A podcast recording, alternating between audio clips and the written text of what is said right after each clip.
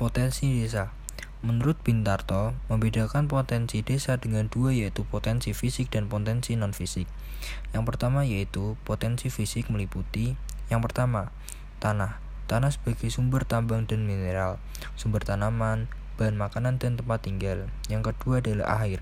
Air yaitu kondisi air untuk irigasi dan untuk keperluan kehidupan sehari-hari. Yang ketiga ada iklim. Iklim yang penting untuk kegiatan agraris itu sangat penting. Yang keempat ada ternak sebagai sumber tenaga, bahan makanan, dan sumber pendapatan. Yang keempat adalah kita sendiri yaitu manusia. Manusia baik sebagai sumber tenaga kerja potensial, sebagai pengolah lahan dan juga produsen bidang pertanian, dan juga sebagai tenaga kerja di bidang non pertanian. Pertanian potensi non-fisik meliputi masyarakat desa yang hidup berdasarkan gotong royong, lembaga-lembaga sosial pendidikan dan organisasi-organisasi sosial yang dapat membimbing memajukan masyarakat.